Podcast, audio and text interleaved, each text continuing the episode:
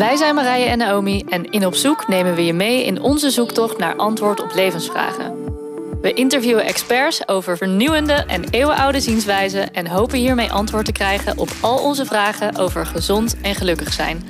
We hebben het over hypnose, Ayurveda, vorige levens, Reiki, cultural appropriation en nog veel meer onderwerpen waar je stiekem meer over wil weten, maar niet met iedereen over durft te praten.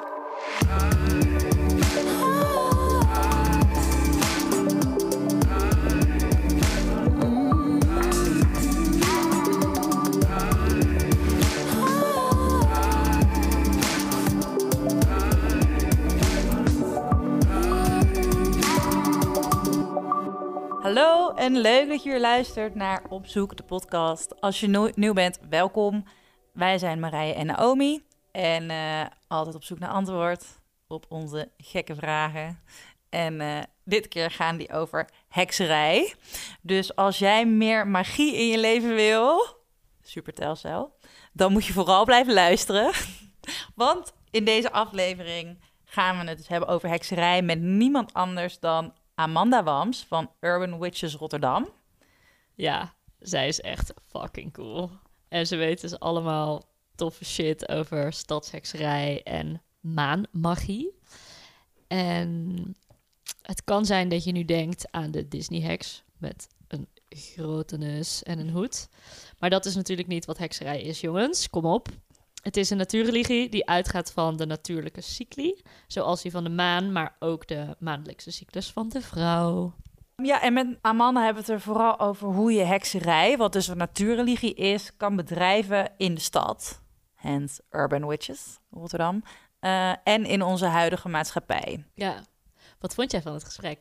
Ik vond het heel vet. Ik vond het sowieso heel cool om, eh, ja, dit klinkt heel raar, eigenlijk een heks te ontmoeten. en nu ziet iedereen dus iemand voor zich met zo'n grote neus en een grote hoed. Maar dat, dat is niet wie Amanda is. Amanda is fucking cool. Fucking chille, vette Rotterdamse chick. Met heel veel kristallen in haar huis. En heel veel paars en roze en Harry Potter. Dus de magie was zeker aanwezig. En de zwarte kat. En de zwarte kat. Ehm, maar wat ik echt ehm, heel vet vond, was hoe ze dus zoiets eh eeuwen oud, zoals eh, hekserij, helemaal naar deze tijd toebrengt. En dat betekent dus niet alleen eh, hoe voer je rituelen uit als je in de stad woont en niet in het bos. Maar dat heeft ook echt heel erg mee te maken van hoe zorg je dat het inclusief is, hoe zorg je dat het divers is, hoe ga je om met onderwerpen zoals cultural appropriation, dat natuurlijk veel van de rituelen en theorieën ook uit andere delen van de wereld komen. Hoe maak je je eigen rituelen, zeg maar, van de plek waar jij zelf vandaan komt. Dat soort dingen, dat vond ik echt heel cool om, eh, om het daar met haar over te hebben. Dus ja, I liked it a lot. Ja. ja, ik heb daar zo weinig aan toe te voegen. ja, wat ik ook heel vet vond, is dat ze gewoon echt rauw is en eerlijk en zegt waar het op staat. En dat vind ik heel waardevol in deze tijd. Het is gewoon super verhelderend en vernuchterend om dan met zo'n, ja, echt oprecht, ik kan het niet anders omschrijven, oprecht persoon te kletsen. Maar daar mogen jullie natuurlijk ook gewoon zelf over oordelen. Ja, en iemand die ook niet bang is voor de schaduwkant. En ik denk dat dat hekserij eigenlijk ook is. Ja, zeker. Het licht en het donker. En niet alleen maar het licht, happy yoga, chai, latte. Oké, heel veel plezier met Amanda.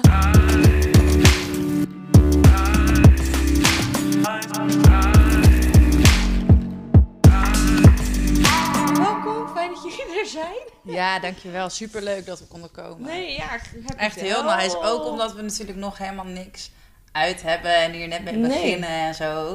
Ik vind dat je elkaar altijd moet helpen. Ja, vet leuk. Mm. Echt heel leuk. Zeker. Ja, wij hebben er in ieder geval veel zin in. Ja, we wilden eigenlijk beginnen met even het, het voorlezen van jouw eh, bio. Oh ja, Want dan weet iedereen die luistert Ja, ook meteen slim. wie hier zit. leuk. Ehm, Urban Witches Rotterdam is een plek vol stadshekserij, maanmagie en intersectioneel feminisme sorry, voor slayistas die niet bang zijn voor hun schaduw. Wauw. Ja, ik had mijn best gedaan om eigenlijk een beetje de essentie in één zin te proppen. Nee, dat heb je goed gedaan. En die verandert ook natuurlijk wel. Maar eh, eh, ja, ik sta er nog wel... eh, dat is nog wel zeker wel de, de kern, denk ik, van Urban Witches. Ja, heel in tof. tijden niet zo'n stevige bio gelezen. Ja, echt waar? Ja, ik vond het echt heel duidelijk. Oké, nou. nou. Dat doet mij deugd. Maar het, zeg maar, het roept natuurlijk ook wel veel vragen op. Mhm. Want eh, laten we beginnen anders gewoon bij het eerste woord... wat bij mij vragen oproept. Mhm. Stadshekserij. Ja, Ik ken hekserij, ik ken de stad. ja. Hoe, hoe komt dat samen? Wat betekent dat? samen? Ja, nee. Ehm goeie vraag.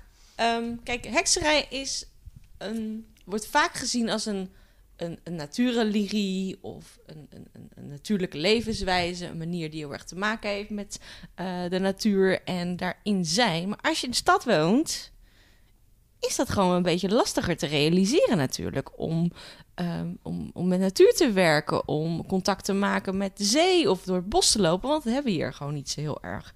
Dus, en ik ben dol op Rotterdam. Vind ik gewoon een hele fijne stad met hele gave mensen. Met, met, met heel veel leuke dingen die daar gebeuren.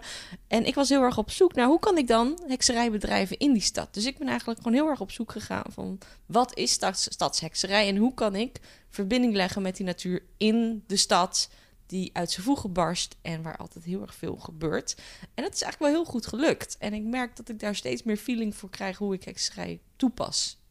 Want wanneer ben je begonnen met hekserij? Want op dit moment is het best wel ja, populairder aan ja. het worden. Maar goed, dat was het tien jaar geleden. Ja, je eh, hebt golven nog daarin. niet. Ja. Ja. Dus eh, wanneer ben jij ermee in aanraking gekomen? Ehm, toen ik een jaar of 13 was, dus 20 jaar geleden, ehm, denk ik dat ik in de ehm, eh, boekenvoordeel stond met mijn zakgeld van een tientje.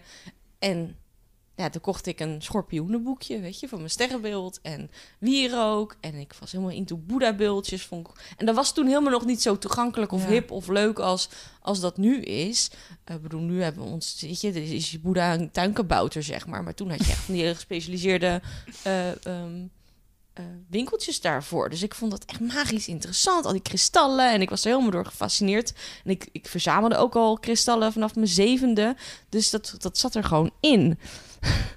Ehm, en ik denk dat eigenlijk dat ik al mijn zakgeld altijd naar de kringloop of naar de boekenvoordeel heb gebracht of naar een andere boekenwinkel. En eh, zo is een beetje die liefde gegroeid, Ja. zeg maar. Dus je werd er eigenlijk gewoon van jongs af aan al naartoe getrokken.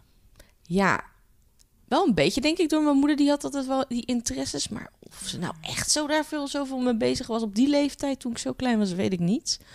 Ehm, en toen ik 13 was, toen had ik denk ik zo'n zo'n boekje gevonden van how to, hoe doe je bezweringen, liefdesmagie, allemaal dat soort dingen. Dat vond ik natuurlijk razend interessant. Ja. Die had ik wel, weet je, films daarover op televisie. En ik had een buurmeisje die vond dat ook interessant. En eh, nou ja, zij was eh, heksje Milena en ik was heksje Amanda, zo noemden we elkaar. En eh, dan gingen we stiekem ehm, het Zwarte Woud in. En dat, zo noemden we dat. Maar dat was gewoon de begraafplaats.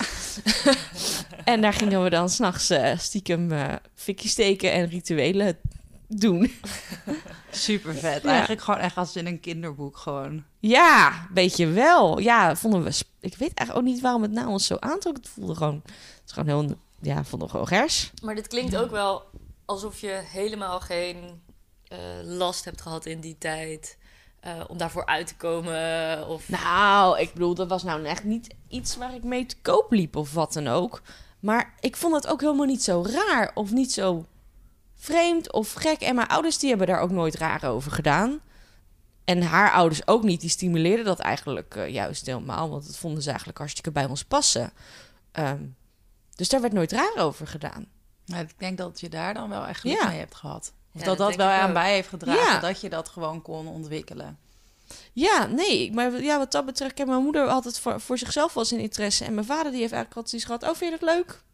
Succes, moet je doen. Leuk dat je een Ehm, hobby hebt. Ja. ik weet nog wel, toen ik een jaar of acht, toen ik 18 werd, kwam die met een- zo'n... Het was eigenlijk een prachtig boek. Het was een soort eh, gids voor de godin van de 21ste eeuw of zo. eh, waar echt alle basics in stonden. Van orakelen tot runen, tot godinnen, tot en met weet ik veel wat er allemaal op stond. Weet je, dus hij vond dat wel heel erg... Hij stimuleerde dat in die zin, terwijl hij is echt een wetenschapper. Staat in het laboratorium. Dus die heeft er allemaal niet zo heel veel mee. En tegelijkertijd erkent hij dan ook wel weer dat dingen dan toch wel weer wat anders, dat hij dat toch wel weer anders ervaart dan dat hij dat vroeger deed. Maar nee, daar deden ze nooit, eh, nooit moeilijk over. Mooi. En Ja. is het altijd in je leven gebleven tot en met nu? Of ben je ook zeg maar, onderweg misschien nog een beetje van je pad afgeraakt? Nou, ik dacht altijd dat het een soort manisch waren. Weet je, dat ik heel veel mee bezig was en dan helemaal niet. En toen zat ik laatst een kist. Ik heb boven een kist met oude liefdesbrieven, eh, postkaarten, weet je, herinneringen van vriendjes, dat soort dingen.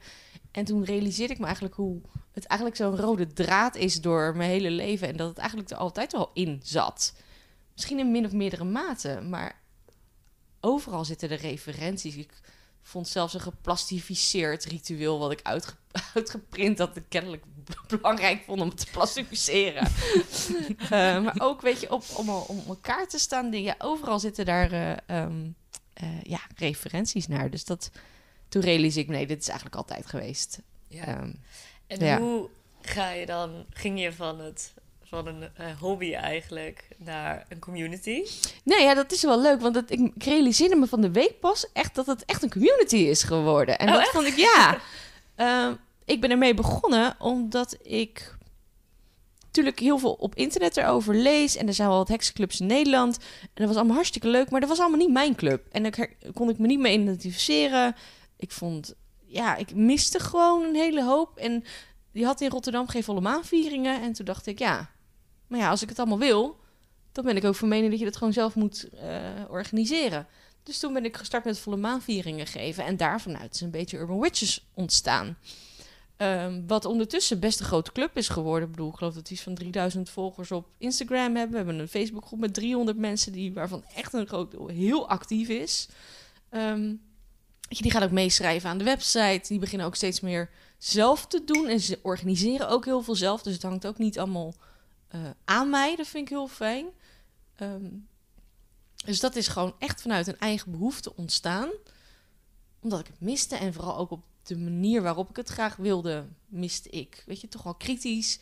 Ehm, ook eigen tijds. Ook wel gecombineerd met de maatschappelijke trends. En het wel en wee wat er in de samenleving gebeurt daarin. Ja, Dus- misschien kunnen we het daar nog wat meer inderdaad ook over hebben. Want wat je ook, ook in jouw bio staat natuurlijk ook al over intersectioneel feminisme, Mhm. et cetera. Kan je daar misschien wat meer over vertellen? Hoe jij dus eh, hekserij eigenlijk in die zin van deze Ja. tijd maakt? Ehm, nou, voor mij gaat het heel erg over inclusieve hekserij.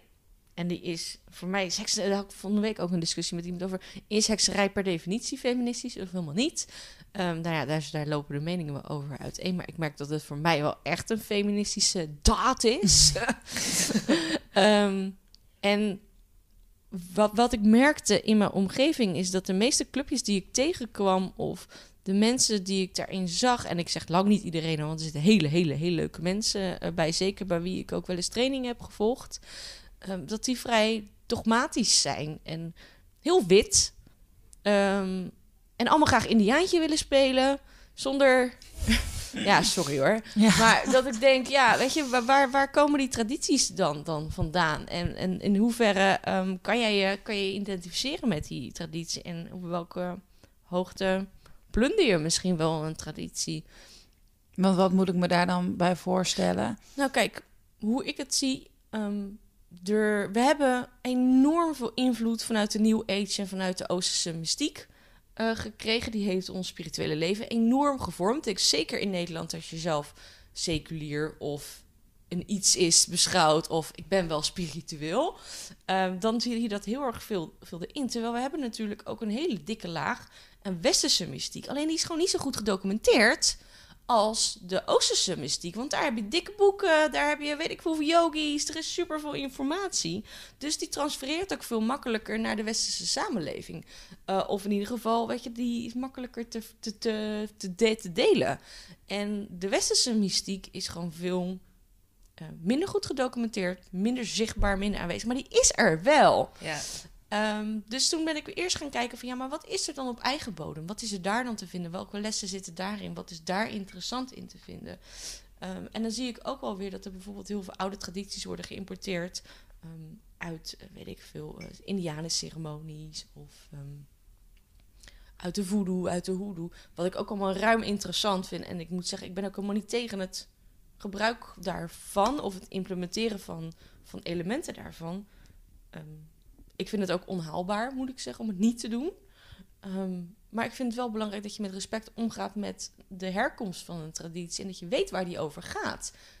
Vanuit welk gedachtegoed, vanuit welke filosofie, vanuit welke grondstroming die komt.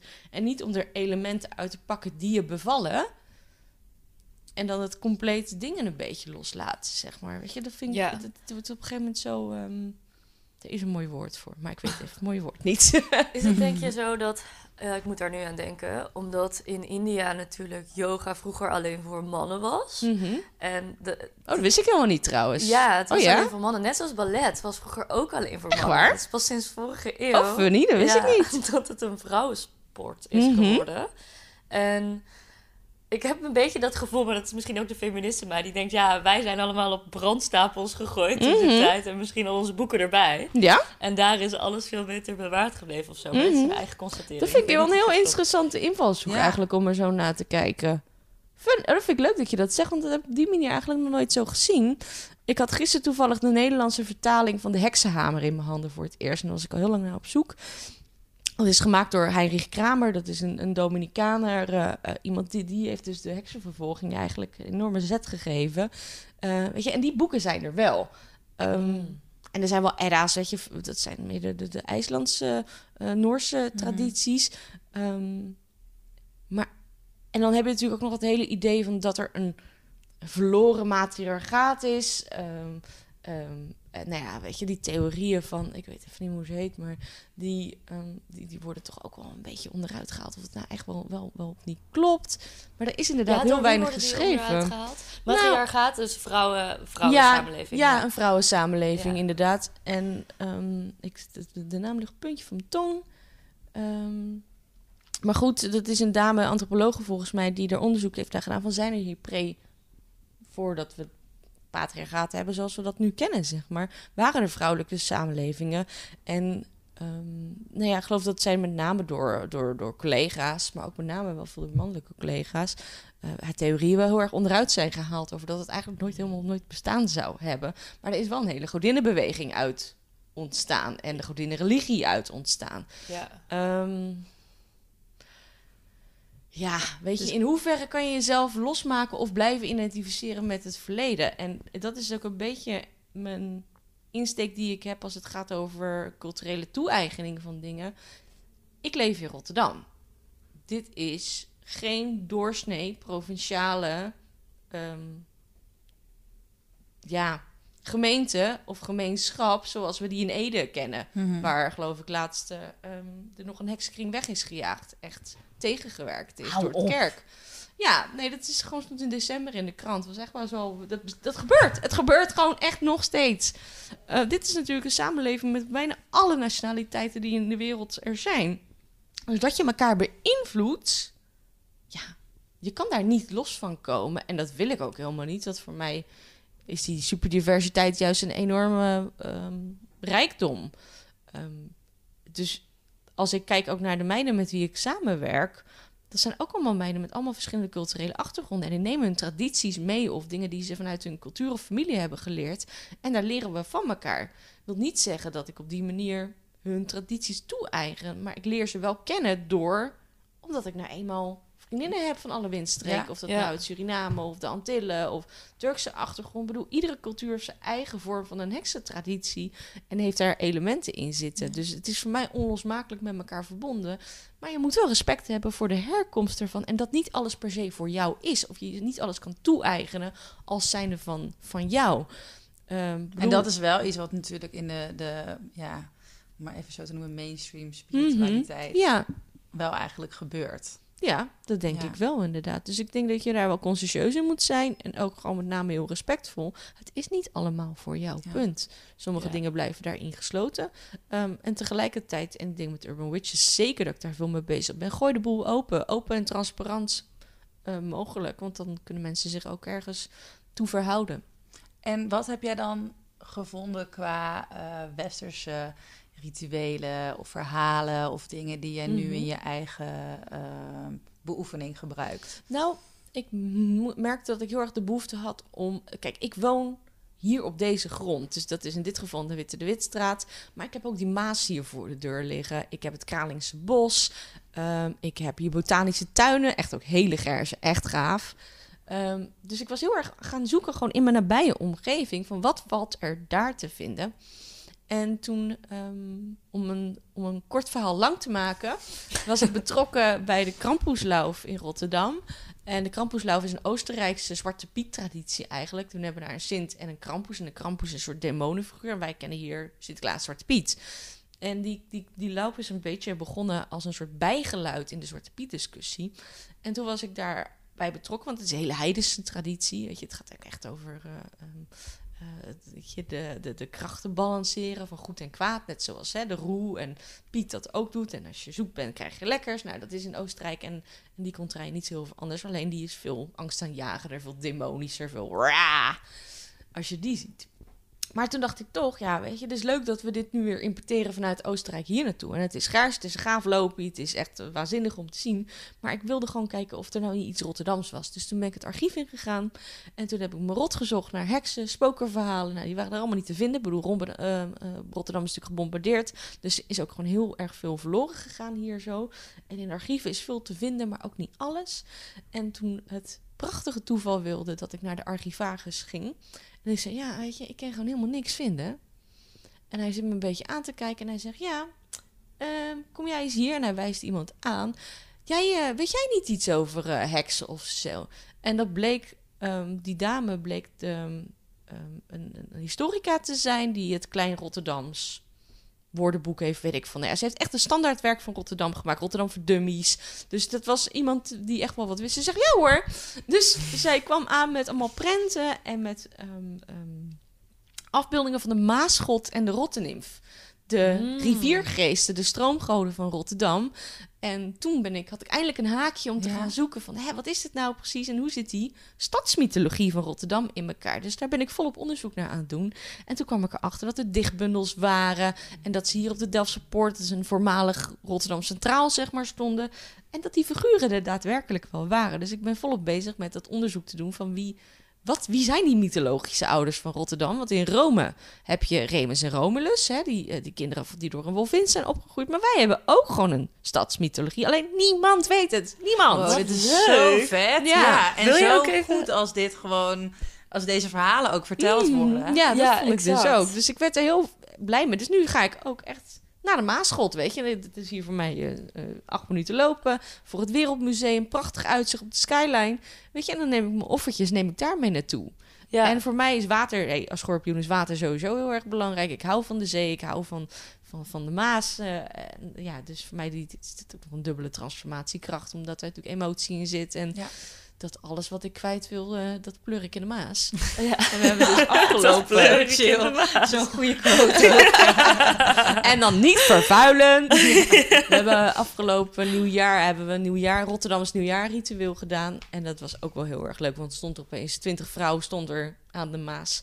eh, waarbij we eigenlijk allemaal onze laatste restjes 2018 boosheid, verdriet, alles wat we achter wilden laten, hadden we op een steen geschreven en ritueel de plomp ingepleurd en eh, aan de Maasschot geofferd. En zo begint dat ook echt Ja. vorm te krijgen in mijn praktijk, zeg maar, door Mooi. de rituele methode. Heel mooi. Ik heb twee vragen. Ja. Eén, wil je even vertellen wat jouw achtergrond is? Ja. Want ik denk dat de luisteraar nu al wel in de gaten Ja. heeft dat hier iemand zit die wel degelijk gestudeerd heeft.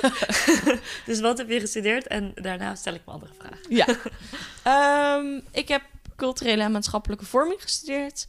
Ehm, ik ben afgestudeerd in social entrepreneurship, sociaal ondernemerschap. Ik eh, doe natuurlijk ook nog altijd veel eh, sociaal-maatschappelijke en culturele projecten en evenementen in Rotterdam. Ehm, en daar was ik gewoon altijd heel erg geïnteresseerd in mens, maatschappij en waarom doen we nou zoals we doen. Ehm, en ik vind kunst en cultuur een fantastisch middel om in te zetten in de stad. En er zit altijd wel ergens een laagje bewustwording in. Of het nou door sport is of door yoga. Ehm, maar dat is altijd wel een belangrijke gemeenschappelijke noemer eigenlijk in de dingen die ik doe voor mijn werk. Ja, eigenlijk Ja. komt het dan allemaal heel mooi samen natuurlijk. Ja, ruim. In, met Urban Witches. Ja, ik doe bijvoorbeeld ook de yoga op het Schouwburgplein organiseren. Dat hebben we wekelijks ehm, in de zomer op een zonovergoten plein. Doen we met 100, 120 man tegelijkertijd yoga. Dus je moet je voorstellen, echt een zee aan mensen in een hele drukke binnenstad. En dan zie je er pulseert gewoon rust vanaf. En dat is super gers. Echt heel tof. Ehm, en nu ben ik bezig met de Internationale Vrouwendag voor te bereiden. Dus er zijn heel erg veel. Waar we ook toffe, leuke, hekserige elementen in hebben toegevoegd. Dus nee, ik uh, I'm a happy girl. Leuk. Zullen we daar naartoe gaan? Ik Ja, moet je doen. Dat is echt heel erg leuk. Voor En- mij tot en met september. Het is ook gewoon twintig keer. Het is niet dat je dat... Oh, je hebt even ja, de tijd ja. ook ja. om te kunnen komen, zeg Ja. maar. Dus dat is echt heel erg leuk. Cool. En in hoeverre, hoe diep gaat het, zeg maar, als jij bijvoorbeeld naar de Maas loopt Mhm. en dan contact maakt met haar goden of godinnen? Hoe- Mhm. Voel je dan ook energieën of zie je kleuren? Ja. Nou ja, hoe het voor mij ziet, ik denk, ik ben, wat ik al zei, ik ben een, een beetje een kind van de heks en de wetenschapper. Dus ook in die zin wel ruim rationeel. Ik roep niet zomaar dingen die ik niet zelf kan verklaren of ergens kan onderzoeken over waarom werkt dit zo, hoe zit dit zo. Ehm, dus ik denk dat in, in deze, dit stadium van mijn heks zijn, ehm, ik wel echt een, eh, een psychisch model, een psychologisch model aanhang. Wat voor mij betekent is dat de maasgod zo echt voor mij is als het water wat er stroomt.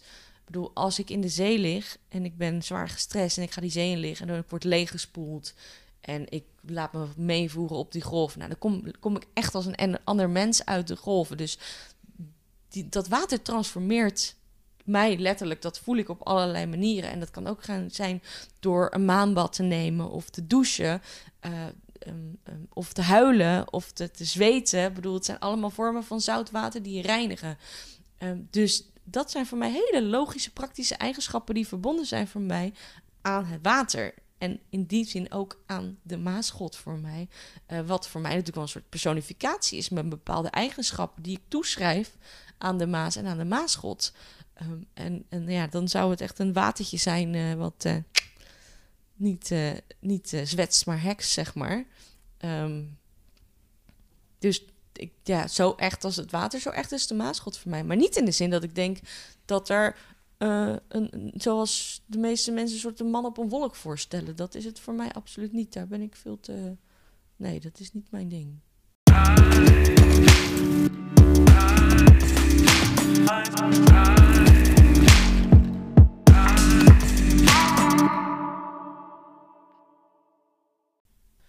En heb jij rituelen dagelijks? eh, veranderen ze nog gedurende de seizoenen? Ja, ruim, ruim. En ik ben altijd in beweging, dus alles verandert mee. Ik bedoel, jij vertelde net over... Nou, hadden het even over schorpioen zijn en het onderzoeken. Ik ben continu aan het onderzoeken. Ik vind hekserij... Het is een beetje een doe-het-zelf religie. En ik ervaar het zelf niet als een religie, hoor. Het is voor mij meer een levenswijze, een overtuiging. Ehm, en het onderzoeken maakt voor mij het heel erg plezierig om hekserij te bedrijven. En heel creatief, want we mogen altijd knutselen. Het is een natuurreligie en de natuur verandert natuurlijk continu. Dus je gebruikt ook steeds wat er tot je komt, als het ware. Daarbij ehm, ben ik ook altijd heel erg nieuwsgierig naar de dingen die al bestaan. Dus ik duik de boeken in, ik doe onderzoek. En dat beïnvloedt mij natuurlijk ook. Maar kunst beïnvloedt mij ook. Ik bedoel, ehm, maatschappelijke ontwikkeling beïnvloeden mij ook. Ik bedoel, het staat nooit los van elkaar. En zolang die maatschappij verandert en die, seizoen je die seizoenen veranderen, veranderen mijn rituelen en mijn magie ook hartstikke mee. En ik verander ook. Met name ik verander ook natuurlijk heel erg veel. Dus dat beïnvloedt altijd wat ik doe. En als ik kijk naar een soort dagelijkse hekserij, dan begin ik mijn dag wel vaak door een kaartje te trekken. Ehm, en ik probeer mijn dag op een energetische manier in te delen. In plaats van dat ik denk: oké, dit zijn mijn prioriteitstaakjes. Dit moet ik doen. Dit is urgent of dit is belangrijk. Beetje de geëikte ehm, productiviteitstipjes die je erin hebt, zeg maar. Probeer ik het op energetische manier aan te pakken.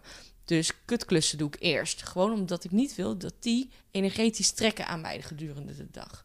Dus als ik stomme kleine klusjes moet doen, dan probeer ik die meteen te doen. Want dan dan zeuren ze niet de rest van de dag tegen me. Ja, ik las dit op jouw website. Ja. Want ik ben sinds een jaar ook mijn leven energetisch aan het plannen. Ja. Dus in plaats van gewoon proberen van dat tijd af te stappen. Ja. Maar oké, voel ik me daarna nog chill om echt nog Mhm. een grote taak te doen? Of ga ik dan wandelen of sporten of dat soort Ja. dingen? En toen las ik dat op je website en toen dacht ik... Oh ja, dit is zo slim. Want die had ik nog niet geïmplementeerd. Om dan Mhm. gewoon even een uurtje alle kutklussen Ja, te doen. ik ben ook gewoon nog steeds aan het zoeken daarmee. En ik word elke keer bij de hand erin. En ik denk, ja, maar nu... Nu merk ik bijvoorbeeld rond volle maan... zorg ik gewoon dat er gewoon meer ruimte is. En dan zorg ik dat ik in... Weet je, tussen de, tussen de nieuwe maan en de volle maan... doe ik gewoon meer werk. Zodat ik dan rond volle maan meer tijd heb... en meer rust heb.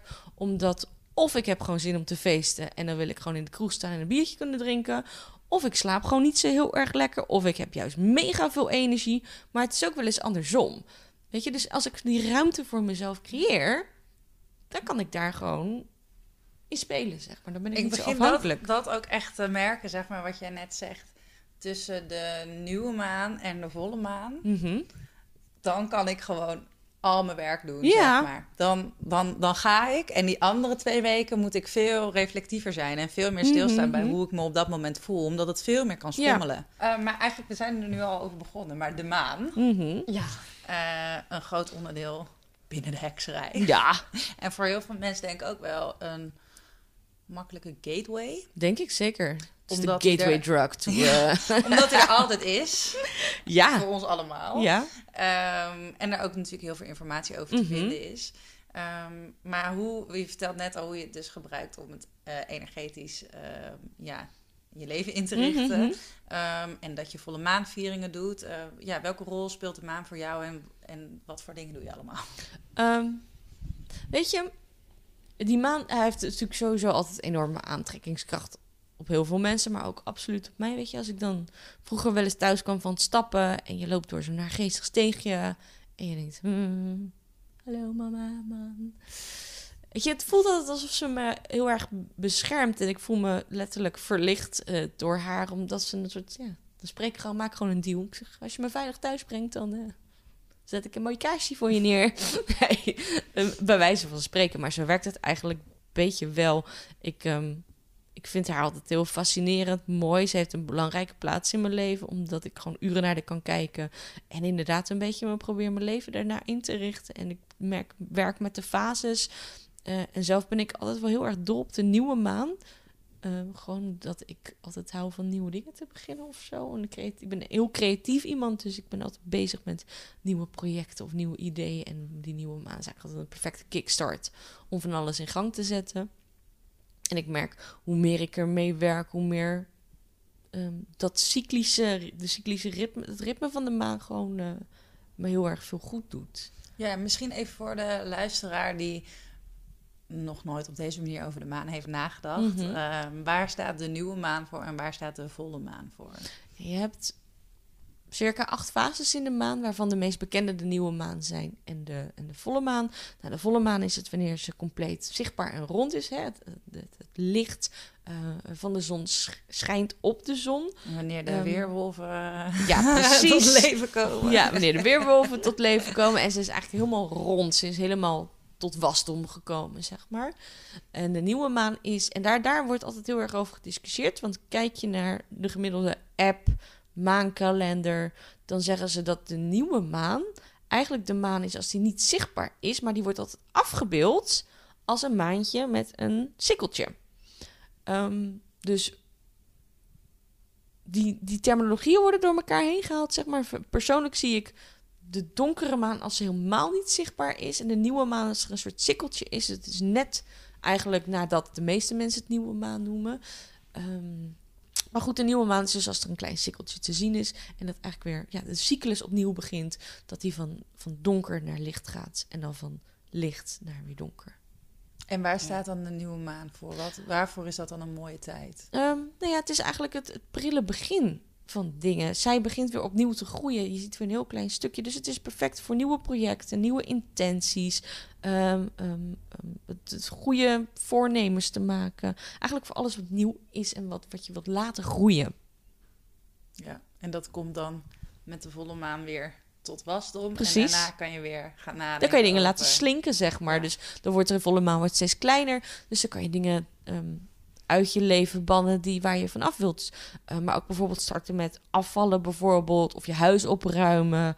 Of, of reinigen, reflecteren. Dat zijn eigenlijk allemaal dingen die horen bij sst, teruggaan. Mooi. Ja. En er zijn ook nog steeds eh, landhouders die Zeker. boerderijen, bedrijven of landbedrijven Mhm. rondom de maandcyclus. Mhm. Dat dingen op een bepaald moment dan beter schijnen te groeien of te voeden. of Ja, zo. de macrobiotiek is het geloof ik heel gebruikelijk om je zijschema's ehm, af te passen op, eh, op de maanstanden. Ehm, ik moest wel lachen een tijdje geleden. Ergens rond oud en nieuw, geloof ik, was er een programma op tv. En die deed dus het ergens een weerbericht voorlezen van iets voor of tijdens de Tweede Wereldoorlog. En dan zag je dat ze in het weerbericht eigenlijk zoveel windstanden, maanstanden, eh, al van die astrologische of astronomische bewegingen, weersvoorspellingen, allemaal gewoon nog vertelde tijdens het nieuws. Dus dat vond ik wel heel erg funny. Ik denk, ja, voor, dat was gewoon heel belangrijk voor de boerengemeenschap. Ja, Punt. ja. Ze moesten Ja. gewoon Maar weten dus hoe het ervoor ook belangrijk voor Ja. ons als mens, als Ja. onderdeel van de natuur. Tuurlijk, ja, absoluut. Absoluut. En vooral in de stad is het makkelijk om die verbinding eh, kwijt te raken. Eh, maar nee, het is, eh, hey, wij, zijn- wij zijn die natuur. Het is niet, we hebben de natuur, we leven, nee, we zijn die natuur. Dat is natuurlijk eigenlijk ook een beetje het uitgangspunt van hekserij, toch? Ja, voor mij persoonlijk absoluut wel. Ik bedoel, ik merk altijd als ik op vakantie ben. En ik was afgelopen eh, zomer in Triora in Italië. Dat was ook een fucking waanzinnig heksendorp. Echt waar heel veel. Opschrijven. Ja, het is echt, als je er ooit daar in de buurt bent, het, is, het was zo magisch. Maar dan, dan loop je in de bergen en dan zie je de majestueuze verschijning van, van alle vormen van natuur. En dan voel je je enerzijds zo heel klein, andere kant ook echt een onderdeel van zoiets extreem moois. En dan denk ik altijd alleen maar, yeah. Je, dan denk ik, ja, wij zijn dit. Dit is ons thuis en niet die stenen of die wolkenkrabbers. Vind ik ook fijn en ook leuk. Maar ja, Ja, dit- verbondenheid die, verbondenheid, voelt als ja. je dan daar bent. absoluut, absoluut. Amanda, hoe maak jij hekserij of stadshekserij inclusief met Urban Witches? Ja. Ehm, kijk, wat ik al zei, ik woon in Rotterdam. En dat is een super diverse stad waarin minderheden de meer, meerderheid zijn. Hè? Een minority majority city, zoals ze dat zo mooi noemen. En ik zou niet anders willen. Ik ben hier, ehm, ik ga hier vanaf mijn 16e naar school, woon en werk eh, hier. Of tenminste, woon is dus kort, maar ik heb er altijd gewerkt. En ik heb daar altijd heel erg veel plezier in gehad. Toen ik merkte dat heel veel heksenkringen zo ontzettend wit zijn, dacht ik, hè, what the fuck? Waarom is dit zo? Hoe kan het zo zijn dat dit eigenlijk alleen maar mensen ehm, eh, aantrekt? Met name vrouwen, veel witte vrouwen. Terwijl dat niet echt een afspiegeling is van onze samenleving. Dus toen ben ik daar eens over na gaan denken van... Weet je, maar dit is helemaal niet wat, wat, waar... huh? Waarom is dit zo en hoe kan ik dat veranderen? Ehm, en wat voor mij daar heel erg belangrijk in is... is iedere cultuur, iedere traditie heeft zijn eigen heksendingetjes. En zeker, ik bedoel, eh, de, jongens en meiden van onze leeftijd... eh, die zijn misschien daar ook net zo mee bezig als hun voorouders dat waren. Hè? Dus die zijn ook heel erg op zoek naar oude tradities. Zijn ook heel erg bezig met zichzelf opnieuw eh, uit te vinden. Door ook door de invloed van de yoga en de New Age. En alles wat we hier natuurlijk als best wel redelijk mainstream hebben. Ehm, tenminste, dat eh, randstedelijk ma- mainstream. Hè? Ik bedoel, dat gaat denk ik voor de provincie ook wel heel vaak anders op. Daar merk ik een heel ander geluid in. Ehm, en toen dacht ik, ja, weet je, als ik dit vind en ik heb een inclusieve visie erop. En dat betekent dat iedereen die met Urban Witches meedoet, welkom is, ongeacht eh, religieuze achtergrond, ongeacht culturele achtergrond, ongeacht werk of leeftijd. Ehm, dan moet je dat ook uitdragen. Dus ik, ben, ik heb heel, ex- heel expliciet gekozen om dat op mijn website te benoemen, maar ook dat te laten zien in representativiteit. Dus ook echt wel te kiezen voor afbeeldingen waarop allerlei soorten vrouwen worden eh, te zien zijn. Maar ook bijvoorbeeld in het tarotdeck wat ik gebruik. Ik gebruik het Slutis tarotdeck. En dat is een sekspositief inclusief uh, tarotdek waar ook mensen van kleur op staan. Uh, mensen met een lichamelijke beperking opstaan. Uh, vrouwen opstaan staan die in transitie zijn. Of transvrouw of ergens nog ertussenin en nog niet helemaal bepaald hebben voor zichzelf daarin. Er staan vollere vrouwen op. Weet je, en ik merk door heel expliciet te kiezen en te vertellen dat dit belangrijk is en dat dit voor mij hoort bij hekserij, dat ik daardoor ook alleen maar mensen om me heen heb gekregen. Uh, die zich daar heel erg mee identificeren en juist heel erg afkomen. Oh, dat vind ik een tof dek. Ik vind dat hartstikke gaaf. Oh, wat fijn. Ik zie mezelf terug. Ik herken mezelf. Ik kan me identificeren met wat je zegt. En dat heeft geresulteerd dat ons clubje, onze Coven, wel de meest diverse is die ik ken. Ik bedoel, zowel in leeftijd als gezondheid, als in achtergronden in werk, als uh, uh, culturele achtergronden. Ik bedoel, het is echt één grote uh, mengelmoes daarin. En daarbij ben ik ook altijd wel een, een hoe noemen ze dat netjes, een ally. Als het gaat om de, de alle LHBT-rechten en dergelijke. Ik bedoel, dat draag ik uit. Ik zeg het, ik, maak, ik trek mijn mond daarover open. En dat, dat resulteert dat die mensen er zich ook herkend voelen, denk ik. En erkend voelen. En die komen dan bij mij. Maar eigenlijk is dat ook heel mooi wat je zegt. Want door dus, zeg maar, jij kiest uh, bepaalde afbeeldingen die je gebruikt. Bepaalde, nou, zo'n deck waar je dan mee werkt, et cetera. Mhm. En het is dus echt wel zo dat als je zelf je, je best doet om er te zijn. Ja, je moet het zelf zijn. Ja, dat die ander zich dan ook veel meer bij jou op je gemak voelt. Absoluut. Want dit is wel natuurlijk iets wat je. Um, inderdaad in de spirituele wereld gewoon mm -hmm. superveel. Alleen maar witte dames die samen naar de yoga gaan. Um, en that's it. En mhm. stellen er verder geen vragen bij. Maar eigenlijk kan dat natuurlijk gewoon niet. Nee, het is eigenlijk ook gewoon... Waarom? Waarom is dat zo? Waarom zou yoga niet voor iedereen uh, interessant kunnen zijn? Ja. I don't get it, dus. Ja. Nee, maar ik denk wel echt dat het heel erg komt door hoe je jezelf profileert. Dat Want ik heb ik een tijdje in Den Haag gewoond en daar in de yogaschool, dat was een hele gemeleerd, ja. gemeleerd publiek. En toen verhuisde ik weer terug naar Utrecht en dan zat ik weer, zeg maar, in hetzelfde groepje mega wit. witte, witte vrouwen. Ja. En toen dacht ik, ja, hoe, het is zo ja, gooi het open en ben je daar. Ja, maar wees er bewust van. Wees er bewust van en, en, en trek je mail open. Zeg er wat van. Benoem het. Onderschrijf het. En laat het ook zien. Ik bedoel, het is niet alleen maar... Ja, we vinden diversiteit zo belangrijk. En er vervolgens niet geen rekening houden met wat dat betekent. Of welke, welke beperkingen of welke mogelijkheden er juist liggen om mensen bij je te... Of aan je te binden. Weet je, en het is geen fucking... Ehm, strategie om zoveel mogelijk mensen te bereiken. Het, is, moet intrinsiek ergens vandaan komen, vanuit een, een maatschappijvisie of een mensbeeld waarvan je denkt: dit, is, dit vind ik belangrijk. Ja. Ja. ja. En natuurlijk is daar in die zin, wat jij ook al zei van heksreis, in essentie inclusief.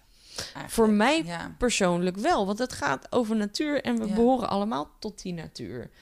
Um, kijk, en hekserij wordt altijd gekleurd door cultuur. En dat maakt het uh, um, voor mij mega interessant. Dan heb ik echt wat uit te zoeken en, en ja, te onderzoeken. Ik vind dat heel erg leuk.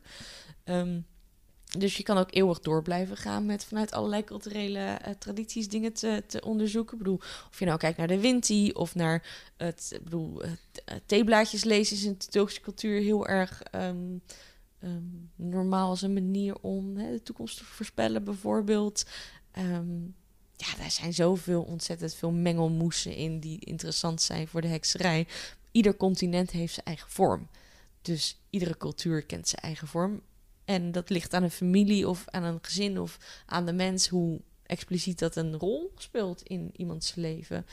Uh, en, maar bijvoorbeeld in Suriname is een vooroude cultuur gewoon heel erg gebruikelijk. En op de Antillen ook, zeg maar. Dus die, uh, maar die zit ook, dat is ook heel erg verborgen hier in de stad. Dat zie je ook helemaal niet totdat je um, daar met mensen over praat. toegang krijgt tot die cultuur. Ja. Zeg maar, ja. Lieve luisteraar, al twee jaar werken wij met veel liefde en toewijding aan op zoek. Om te kunnen groeien en onafhankelijk te blijven, kunnen we jouw donatie goed gebruiken. Deze donatie zorgt ervoor dat we onze tijd kunnen steken in het creëren van mooie afleveringen en het uitbouwen van Op Zoek als platform en community voor persoonlijke en spirituele groei. Voor jouw donatie van 7,77 euro per maand gidsen wij je door het magische en spirituele landschap in de Opzoek Coven. De Coven is de plek voor luisteraars die op zoek zijn naar meer magie, meer diepgang en meer verbinding. Meld je nu aan via de link in de show notes en word lid van de Coven. En je zei net dat hekserij voor jou wel echt een feministische daad Ja.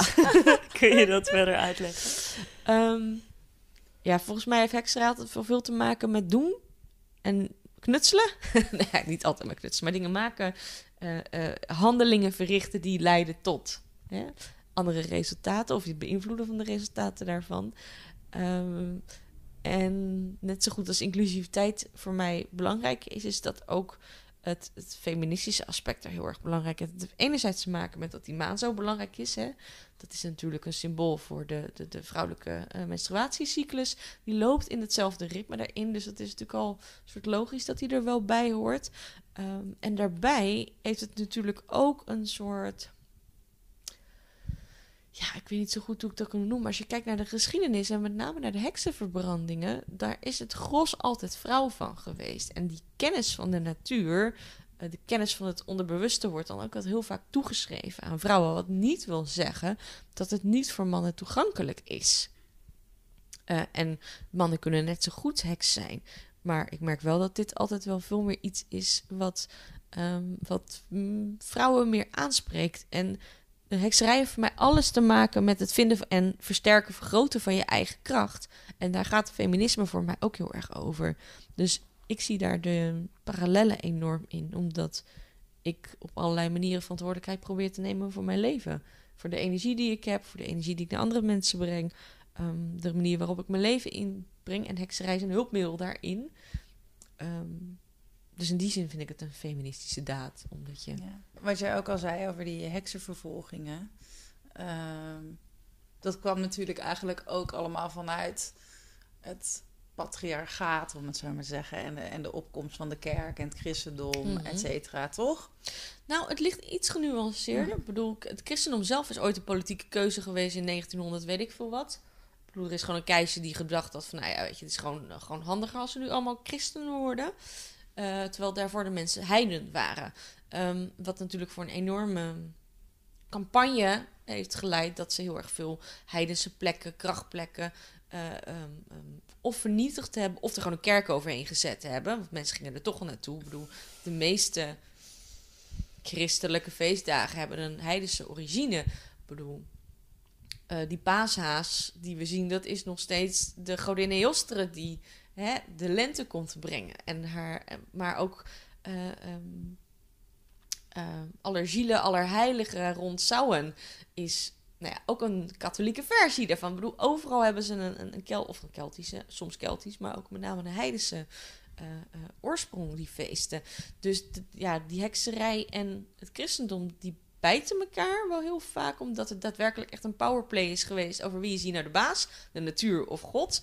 En tegelijkertijd, als je dan kijkt naar de heksenvervolgingen, dat is rond de middeleeuwen gebeurd, dus 14e, 15e, 16e eeuw. Wat inhoudt dat het christendom al lang, al lang, al lang macht had. Kijk je nou daadwerkelijk naar degenen die verantwoordelijk zijn voor die heksenvervolgingen, zijn dat ja, absoluut een deel van de kerk. Eh, er zijn heel veel, ehm, nou ja, ik noemde Heinrich Kramer al, de, de, de eh, bedenker en de, schrijver van de heksenhamer. Dat is een soort handboek, hoe vervolg ik een heks? En wat, hè, hoe herken je er, hoe, straf je er en hoe zorg je dat ze nooit meer eh de levend uitkomt. Maar het oordeel, wat er vaak getrokken werd over de rechtsgang, ehm, was niet altijd de kerk, maar ook vaak de seculiere rechtbank, die daar met name ehm, ehm, een groot onderdeel eh, van uitmaakte. En dat de kerk vooral ook vaak toegaf aan de wil van het volk.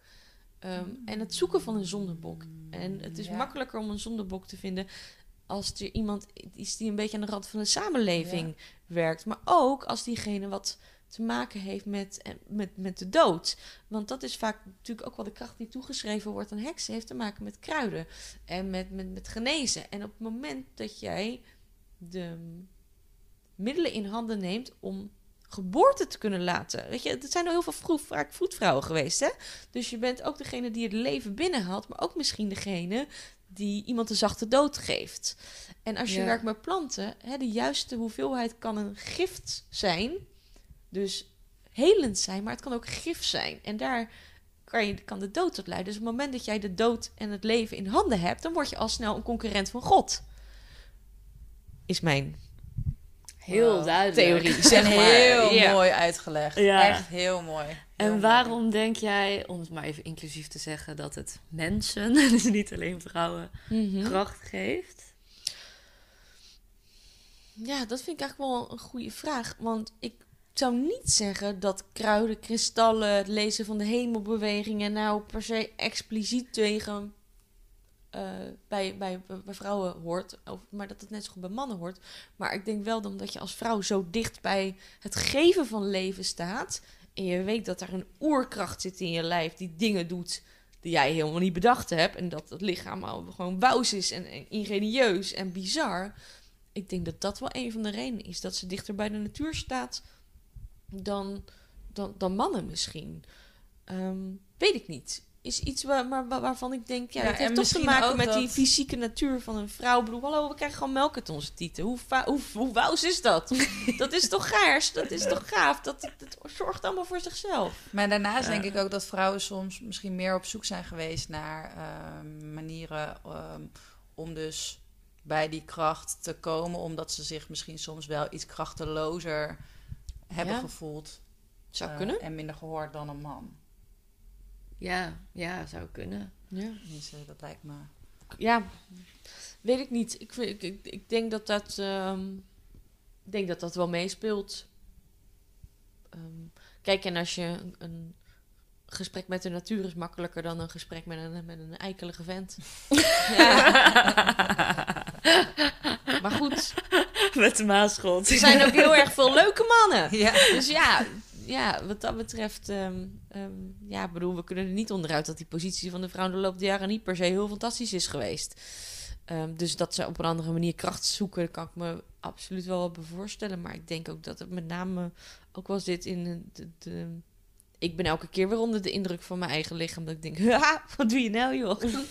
Weet je, ik bedoel, nou het genezen van een simpele snee in je vinger is. Of eh, ehm, eh, het krijgen van kindjes of wat dan ook. Dat je denkt, that's awesome. Ja, ja, ja. En eh, wat ik misschien wel leuk vind om te horen, de luisteraar eh, denk ik ook wel, eh, een soort van eerste stappen, ba- basis, praktische Ah, dingetjes. ja. Hoe word ik een heks? Hoe word ik een heks? Ja, wat, of gewoon even vijf dingen die je, Ja. die je kan doen gedurende een dag. Nou, dat vind ik op zich wel, wel interessant. Weet je, ik denk dat... Je ziet het wel eens, hoe word ik een heks? Die vraag wordt me ook heel vaak gesteld. Ik denk niet per se dat je het wordt, maar dat je het gewoon bent of zo. En niet wil zeggen dat als je een plan opgevat hebt om het te worden, dat je het dan niet kan worden. Nee, ik denk dat het gewoon een interesse is en dat die interesse dan... Weet je, volg je interesse. Het is mijn, mijn denk ik, nummer één tip is volg je highest excitement. Volg je enthousiasme. Waar word je nou enthousiast van? Als je kijkt naar hekserij, dan heb je zo ontzettend veel disciplines. Van astrologie tot numerologie, tot kruidenkunde, tot stenenkunde, tot en met... Nou ja, bedenk het maar. Kijk om je heen wat er is en wat er aangeboden wordt. En kies dan iets uit waarvan je denkt, ja, maar dit vind ik vet. Dit vind ik tof. Volg dan je excitement en je enthousiasme erin. En ga daar beginnen. Ehm, vroeger wilde ik altijd, pakte ik een boek en dan wilde ik gewoon van A Z doorlezen en een soort system, systematisch studeren tot me nemen. En nu kijk ik eigenlijk alleen maar naar dingen, ja, maar dit vind ik gaaf. En dan ga ik dat onderzoeken en dan duik ik daarin. En dat leidt me dan weer tot allemaal weer nieuwe dingen. En dan, weet je, het is ergens zoeken naar een soort begin van de draad. En als je op een gegeven moment de draad hebt, dan kan je hem een soort los uit kluwen trekken. En dan komen er allemaal leuke dingen op je pad. ja. Ehm, en praat met name ook met mensen om je heen. Eh, ik heb eh, ondertussen gelukkig heel erg veel leuke heksenvriendinnen. En dan, dat is natuurlijk ook alweer dankzij het internet, Instagram, dat je elkaar kan vinden en dat je je aan kan sluiten bij clubjes. En dat je denkt, oh ja, die vind ik tof, die vind ik leuk. Ik bedoel, ehm, ehm, Laura bijvoorbeeld, eh, die we allemaal kennen. ehm, ja, die heeft me ook ontzettend veel gave, bijzondere dingen laten zien omdat haar interesses heel ergens anders weer liggen. En dat ik denk, oh, dat is gers, dat is tof. Daar wil ik ook wel eens eh, naar kijken, weet je. Dus leer ook vooral heel erg veel van elkaar. Laat je gewoon lekker inspireren eh, wat anderen doen. Maar blijf nadenken. Blijf Ja. kritisch en blijf vooral ook zelf je eigen padje volgen. En doe je huiswerk. Doe je, weet je, doe je huiswerk. Ja, waarom geen Sali? Dat eh, vind ik wel Oh, belangrijk ja. om even uit, uit te leggen. Om maar even iets te noemen, hè? Ja, nou, kijk, ehm, als jij dan zo'n eh, zo'n fantastisch natuurwezentje bent en je vindt het allemaal hartstikke leuk en belangrijk, natuurreligie, dan kan je bijna niet onder een soort ehm, ehm, klimaatbewustzijn heen of dat je ook gewoon voorzichtig moet omgaan met je natuurlijke bronnen. Dus door de enorme populariteit van Witte Sali, van Paulo Santo, ik moest gisteren echt fucking hard lachen. En de- de- misschien is dat ook de Rotterdammer en de, de criticus in mij. Maar dan zie ik een artikeltje. Ja, en Palo Santo wordt alleen maar gemaakt van omgevallen bomen. Mijn reet. Ga weg, man. Hallo, jouw kip, jouw kip komt echt alleen maar vandaan bij kipjes die per ongeluk dood zijn gegaan. Ja. Nee, dat is een domme leugen van de commercie. Ik bedoel, prik daar gewoon doorheen. Blijf nadenken. Nee, natuurlijk, het is een fucking booming industrie. Ja. Het is echt een hele, hele, hele grote industrie. Dus ehm, ook zo wat. Weet je, en ik geloof dat witte salie niet per se op de lijst staat van bedreigde plantensoorten. Maar je kan je voorstellen dat als heel die winkels hier vol leggen met witte salie, dat daar een handel en industrie achter zit en dat die ergens vandaan komt. Nou heb ik zelf witte salie in mijn tuin staan. En volgens mij heeft hij het tot nu toe nog overleefd. Ik ben benieuwd als hij het van de zomer helemaal gaat doen. Weet je, ga het zelf kweken, maar ga het niet commercieel kopen. Die Palo Santo die wordt nu dus wel bedreigd. Doordat we allemaal zo lekker spiriwiri met een eh, geurtje willen zitten. Eh, maar als je dan toch zo'n fan bent van die natuur, respecteer die dan ook. En gaat niet, weet je, laat jezelf niet te veel verleiden tot een soort hyperconsumentisme en het verzamelen van 10.000 edelstenen. En ik ben er dol op, ik hou ervan. Maar ik koop ze nu alleen nog maar tweedehands. Dus alleen maar via eh, collecties van of van mensen die ze wegdoen of geef ze. Ik probeer ze niet meer nieuw te kopen. Weet je, want met de ehm, winning van edelstenen. Nou, kijk maar eens een filmpje op YouTube hoe edelstenen gewonnen worden. Ik vind het fantastisch. Het is heerlijk om naar te kijken. Want dan halen ze enorme clusters uit zo'n wand. Ik vind het wel leuk.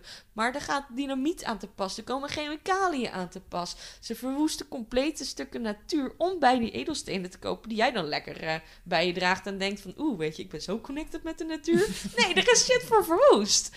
Ehm, dus, Ja. En ik, wil heel, ik ben helemaal niet zo'n... ehm, tegen... Weet je, dat ik zeg, nou, je moet niks meer kopen en dit mag allemaal niet. Maar wees er bewust van waar het vandaan komt. En maak keuzes erin door bijvoorbeeld tweedehands te kopen. Of dat je zelf iets gaat kweken. Of gaat kijken, wat hebben we hier in Nederland? Want normale bijvoed, lieve, bed, eh, lieve, lieve, nou ja. Je hebt heel veel kruiden. eh, en er is een enorme lijst te vinden. Of nou rozemarijn of lavendel is, wat hier gewoon verkrijgbaar is. Wat je net zo goed kan gebruiken om aan te steken en eh, te bewieroken of te smudgen. Ehm, dus wees er een beetje conscientieus in. Ja, ik ben heel blij dat je dit even zo duidelijk toelicht. Het is ook een van mijn grootste ergernissen. Ook omtrent voeding bijvoorbeeld. Ja. Dat er dan allemaal eh, van die fit girl eh gurus zijn. Die, en dan gaat het alleen maar over zelf gezond zijn. En dan denk ik, ja, maar alles wat jij aandraagt Mhm. aan ingrediënten, avocado's en weet ik veel wat, Mhm. helpt de hele aarde naar de kloten. Flikker op met je inspiring blog. Ja, Ja. doei. Ja, maar goed, en kijk, we leven natuurlijk in een sterk geglobaliseerde wereld waarin je bijna niet meer los kan komen en mega zelfvoorzienend zou kunnen zijn. Weet je, dus ook al zou ik dat wel willen dat ik alles, weet je, dat gaat gewoon niet. Maar ik doe het met mate. Hè? Ik bedoel, je hoeft niet eh, eh, zes dagen of zeven dagen in de week vlees te eten. Je hoeft het helemaal niet te eten. En als je het dan eet, kijk dan waar het vandaan komt. Ehm, en kijk eens gewoon naar lokaal, wat er hier gebeurt, wat er hier mogelijk is. Ik bedoel, het zijn kleine stapjes en je gaat het niet perfect doen, want aan iedere scheet zit er wel weer een of andere maffiaketen vast. Weet je, daar, kan je bijna niet omheen, maar probeer er wel over na te denken. Probeer je huiswerk te doen, Ja. Zegt de docent. Doe je huiswerk! nou, goede eindnoot misschien. En waar kunnen mensen jou vinden? Oh ja, ik ben te vinden op eh, sowieso Instagram ben ik altijd wel heel erg actief. En dat is Urban Witches Rotterdam. Ik heb een website, dat is www.urbanwitches. eh, Nee, urbanwitchesrotterdam.nl. En als je het leuk vindt en een beetje mee wilt doen in onze clubje, hebben we een Facebookgroep. En die heet de Sisters of Slay Facebookgroep. Top. Cool. Yes. Dankjewel. Dankjewel. Alsjeblieft. Ik wilde bijna zeggen gers, maar toen dacht ik nee, dit is toe-eigening.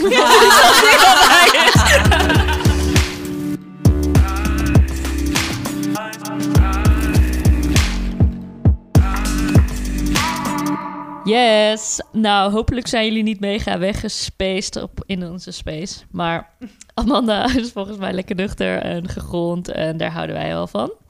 En als je je net als ons aangetrokken voelt tot deze manier van leven, dan kun je deze tools gebruiken om jezelf beter te leren kennen of je dag in te delen. Ehm, op energie plannen vind ik echt een hele goede eh, tip die ik er zelf uit heb gehaald. Daar was ik al een beetje mee bezig, maar ik werd nog extra geïnspireerd door Amanda om dat meer te gaan doen.